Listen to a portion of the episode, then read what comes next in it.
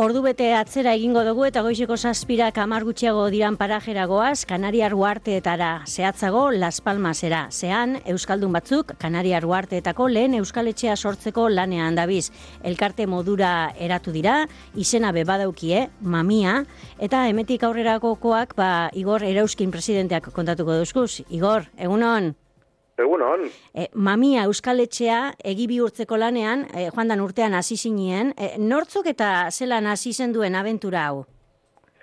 Bueno, nortzuk, e, e, bueno, gizatalde nahiko zabala gara, baina, bueno, hasi ginen hola zazpi sortzi lagun hasi ginen, ba, hitz egiten hola, ba, Euskal Herria pizka bat e, urrun daukagula eta urbildu nahi dugula eta ba, ziginen pentsatzen ea horren inguruan Euskal Herria hemen Irlan pizka bat e, urbilago izateko ba zer egin algenuen da Ba, ideia horrekin hasi ginen, Euskal Etxe bat e, sortzeko ideiarekin, eta pase urtean horrelekin hasi ginen. Eta e, zein da momentu honetan zuen egoera, ze elkartea basarie, e, izena bai. bai, ez dakit etxerik edo lokalipe badauka zuen? Ez, ez, ez, gu momentuz e, etxerik e, fizikoki, bueno, etxeak asko dauzkagu, ze, bueno, ba, gure ideia bada, e, mengo beste administrazio, elkarte, bueno, beste, beste elkarte batzuekin e, elkarrana sortzea da, eta beraiekin lan egiten dugu. Uh Orduan, bueno, ez daukagu sede e, finko bat, baina bai hainbat e, lagun da ba, horren inguruan e, egiten dugu lan, ez? Uh aipatu dut, e, elkarte moduan eratu usariela, e, zeintzu pausu e, emon behar dozu ez orain e, Euskal Etxeen sarean e, sartzeko ze, edo basago ja Euskal Etxeen e, sare horretan? Ez, momentuz e, horretan lan, lanen gabiltza. E, nola baita, bueno, Euskal Etxea sortzeko, ba, lege barruan, lehenengo, ba, elkarte moduan eratu behar ginen, eta hori ba ja egin daukagu eta hortik aurrera ba e, baskide kopuru bat ere e, izan behar dugu eta eta nolabait e, horretia e, labur bilduz e, ba, inarrizko baldintzak. Uh -huh. Zenbat baskide, e, izan behar zari, eh?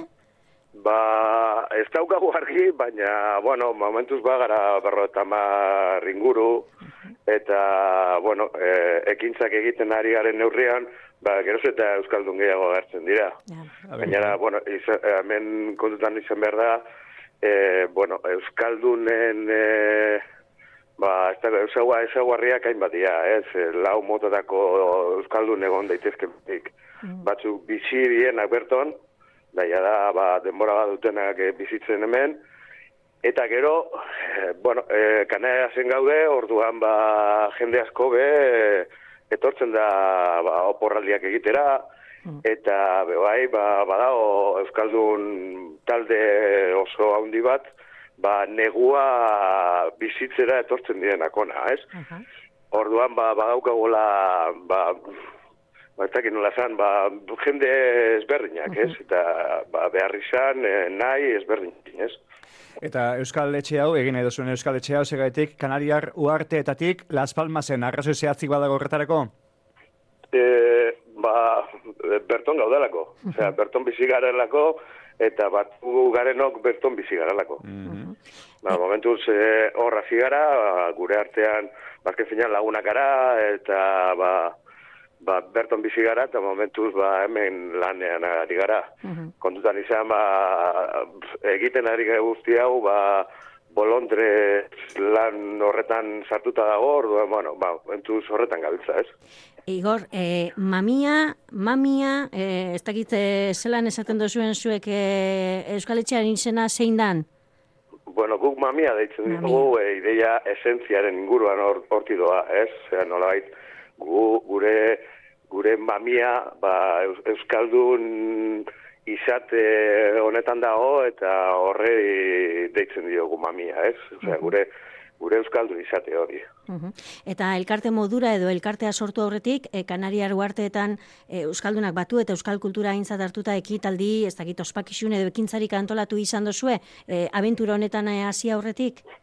E, Ez, eh, hasi ginenean, nor hasi ginen eh, ekintzak sortzen, Mhm. azken finean, bueno, eh, batzen ginenean ba, ba, beti zegoen, ez? Euskeraz hitz egiteko esparrua zegoen, eta eta gure Euskaldun izate hori e, ba, lagunen artean bizi genuen, ez? Baina, bueno, pentsa genuen, ba, ba beste modu batetara lan egin ahal izan genuela hor inguruan, eta horrekin hasi ginen. Mhm. Zenbatero batzen sari, eh? Badeko zue, ez dakit, maiztasunik badeuko zue alkarre batzeko edo, edo suertetan danean?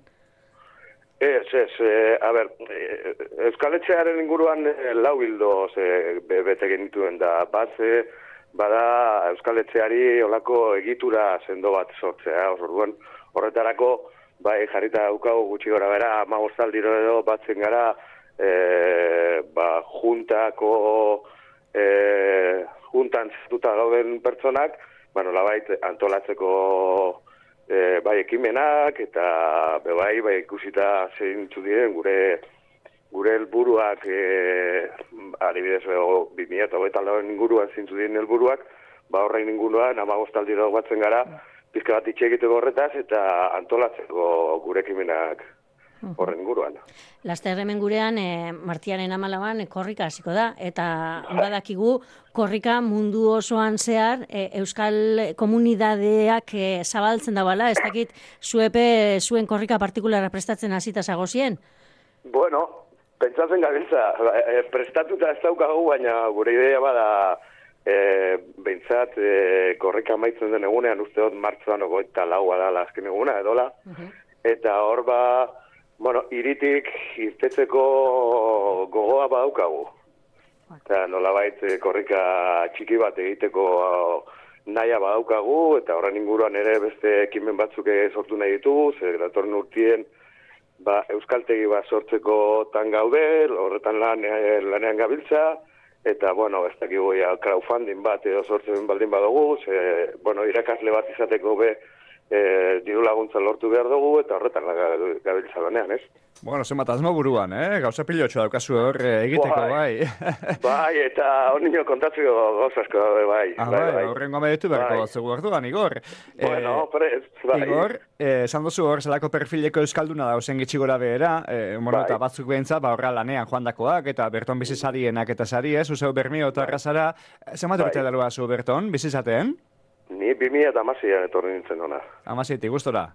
Bai, momentuz bai, Aha. momentuz bai. Eta Juan etorririk egiten dozu, hau da bizitan etorriko zara bermeora kaso batzuetan, edo zer? Bai, bueno, ga, gabonak eta guda holako bi momentu izaten dira, gainera ni e, semeala bi ditut, eta, bueno, ba, etxera bueltatzeko gogoa beti daude, ez? Eta gero, bueno, guk errestasun badaukagu gazkinak eta hartzeko, orduan, ba, hiru hilabetero da, buelta egiten dut, bai.